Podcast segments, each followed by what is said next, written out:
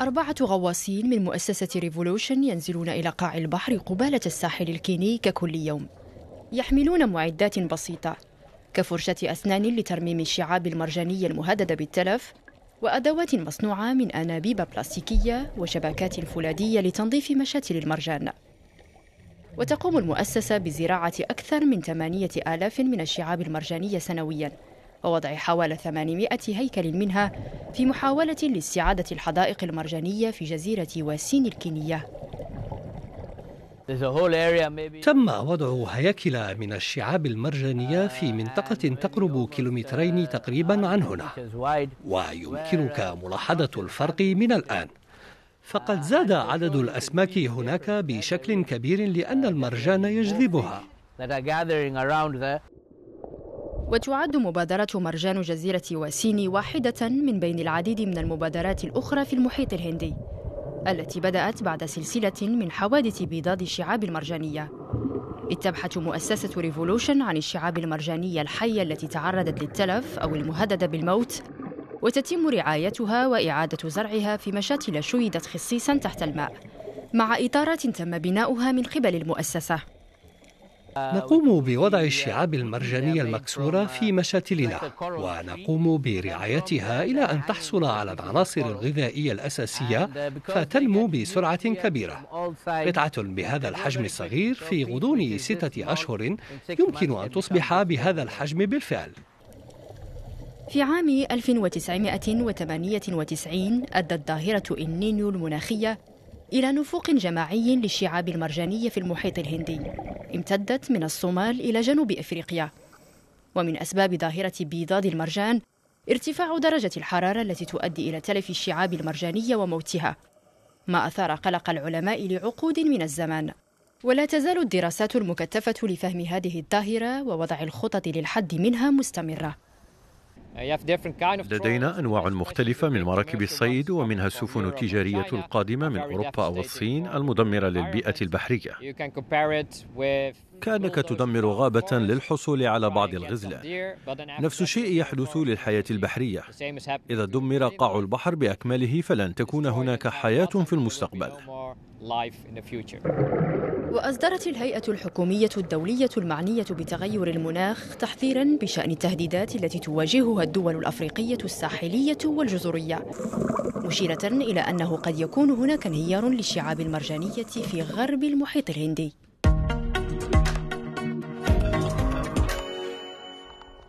نحن في مرسى علم بمصر. منطقة يقول عنها باحثون إنها تعج بالحياة وقد تصبح الملاذ الأخير للشعاب المرجانية في العالم حيث يقضي ارتفاع درجات الحرارة على الشعاب المرجانية في أماكن أخرى. هو كل الأبحاث اللي طلعت دلوقتي بتتكلم إن يعني فكرة ال coral bleaching اللي بيحصل في العالم كله نتيجة لتغير المناخ وارتفاع درجة حرارة البحار. انه المناطق ال tropical كلها أو المناطق الاستوائية كلها معرضة لل coral bleaching بشكل رهيب جدا. ال coral reef بتاع البحر الأحمر resilience فيه عالي. يعني قدرته لو لا قدر الله حصل bleaching إن هو to recover عالي. فلازم نحافظ على هذا. هذه الشعاب التي تمثل 5% من الشعاب المرجانية في العالم لديها قدرة عالية على تحمل ارتفاع درجات حرارة المياه.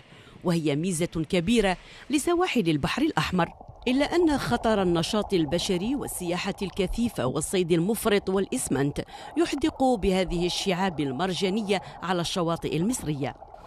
الشعاب المرجانية في البحر الأحمر هي نظام بيئي متنوع بشكل لا يصدق أظهرت الأبحاث الحديثة أن هناك أكثر من 350 نوعا من الشعاب الصلبة و70 نوعا من الشعاب اللينة وكلها ذات توطن عال غير أن خبراء المناخ في الأمم المتحدة حذروا من أنه إذا استمر ارتفاع درجة حرارة الأرض بلا توقف فإن الشعاب المرجانية الأقل عمقا لن تتمكن من الاستمرار حتى نهاية القرن لكن يبدو أن الشعاب في مصر تتحدى هذه القاعدة.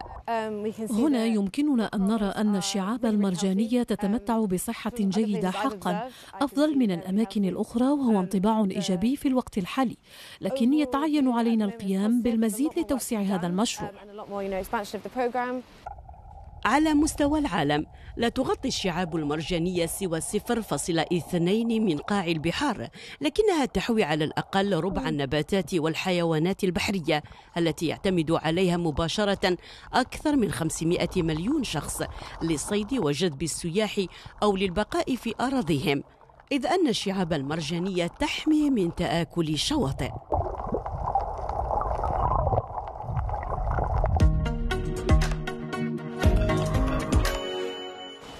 تحت هذه المياه الفيروزية تستقر شعاب مرجانية ناعمة تسمى يونوما ستولونيفيرا تغزو ببطء منطقة البحر الكاريبي وتخنق الشعاب المرجانية البحرية وتؤثر سلبا على النظم البيئية الموجودة هناك. لقد توسعت هذه الشعاب بشكل كبير. يمكننا حتى رؤية هذه الظاهرة على الشاطئ لم نعد نراها فقط في الشعاب المرجانية البحرية. تمددت في المنطقة المحيطة أيضا وهي موجودة في الأحواض وفيما يسمى لدينا الوادي الجاف. هذه الشعاب المرجانية اكتشفت عام 2007 في منطقة البحر الكاريبي وحدد نوعها عام 2021 لا تمثل خطرا على الإنسان لكنها تتشبث بالكائنات الحية في الصخور أو في قاع البحر وتجعلها تختفي مما يؤدي إلى كارثة بيئية بحسب العلماء. تؤثر هذه الشعاب بشكل رئيسي على فقدان أنظمتنا البيئية البحرية مما يؤدي إلى فقدان التنوع البيولوجي وبالتالي إلى تراجع صيد الأسماك والسياحة. بحسب خبراء تم تهريب هذه الشعاب المرجانية من قبل مربي الأسماك لأغراض تجارية إلى منتزه موشيما الواقع شمال شرق فنزويلا. ونظرا لجمال شكلها غالبا ما تستخدم لتزيين أحواض الأسماك. خطر الشعاب المرجانية يمتد إلى ما وراء حدود فنزويلا. تشير تقارير غير رسمية إلى وجود شعاب مرجانية بالقرب من جزيرة أروبا الكولومبية والبرازيل. لكن هذا التمدد لم يصل بعد إلى نفس الحد الذي رصد في المياه الفنزويلية.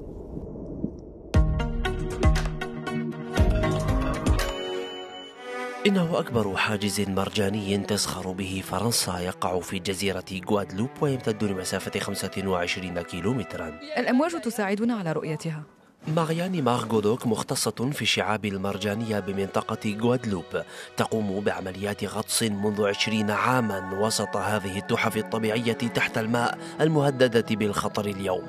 لاحظت ماريان تدريجيا زوال 85% من الأحياء البحرية. أحد أسباب هذا التحول هو الاحتباس الحراري. ارتفاع درجات حرارة المياه لأسابيع طويلة تقضي على الشعاب المرجانية بعد ثلاثة أو أربعة أسابيع من بقائها في مياه حرارتها 29 درجة.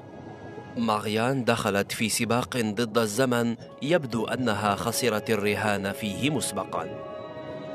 عندما نتحدث عن تدهور الشعاب المرجانية فالأمر لا يتعلق بأحفادنا بل سنعاني من ذلك في غضون 15 عاما. إن لم نتحرك في مناطق كغوادلوب سنفقد الشعاب المرجانية نهائيا. لمساعدتها في نضالها البيئي طرح هذا الفنان التشكيلي الفرنسي انطلاقا من ملاحظة بصرية ابتكارا يفضي إلى استخدام الدانتال لإنقاذ الشعاب المرجانية. أدركت أن شكل الهيكل الخارجي يتطابق تماما مع شكل الدانتيل التقليدي لذلك تبادرت إلى ذهني فكرة تجربة الدانتيل واستخدامها كدعامة لرؤية ما إذا كانت ستساعد الشعاب المرجانية. وهنا لعبت خبرة صناع القماش في منطقة أو دو فرانس دورا أساسيا. عادة نتعاون مع شركات الأزياء الراقية. خمسة عشر ألف خيط يتم نسجها بإيقاع يرمي إلى صناعة دانتيل مميز واستثنائي يستعمل بفضل سمكه وشكله كدعم لتجديد الشعاب المرجانية. الفكرة هي إعطاء صبغة خاصة للدانتيل تقترب من الشكل الطبيعي للمرجان تحت الماء مما يساعدها على التأقلم مع الدانتيل والنمو بشكل أفضل. ذلك لأن الشعاب المرجانية تتكاثر مرتين في السنة عند اكتمال القمر لكن اليوم تبقى حوالي 30% فقط من هذه البويضات على قيد الحياة. من هنا يلعب الدانتيل دورا في تثبيتها وحمايتها أيضا. نستخدم الدانتيل كشباك تبقي بويضات الشعاب المرجانية في المنطقة البيئية السليمة بالنسبة لها. وندع الشباك تحت المياه لمدة ثلاثة أو أربعة أيام ريثما تصبح تلك البويضات مثبتة. داخل هذا الحوض المائي في غوادلوب تطلق ماريان تجاربها الأولية. هذه القطع السوداء عبارة عن دانتيل مغلفة بالطحالب. في كل أسبوع نقوم بإزالة الطحالب الزائدة واختبار شدة صلابة الدانتيل لمعرفة إذا ما كانت ستتمزق أم لا. في هذا الحوض لدينا دانتيل قيد التجربة منذ 148 يوما. وهي مدة مثيرة للاهتمام. ميزة الدانتيل أنه مصنوع من نسيج قطن عضوي قابل للتحليل البيولوجي بشكل تام. الفكرة تتمثل في اقتراح دعائم أقل تأثيرا على الوسط البحري واقتراح ذلك على العاملين في مجال ترميم الشعاب المرجانية في جميع أنحاء العالم. المرحلة المقبلة هي تجربتها في أعماق البحر على أمل النجاح في حماية الشعاب المرجانية وإعادة إحياء صناعة الدانتال في فرنسا.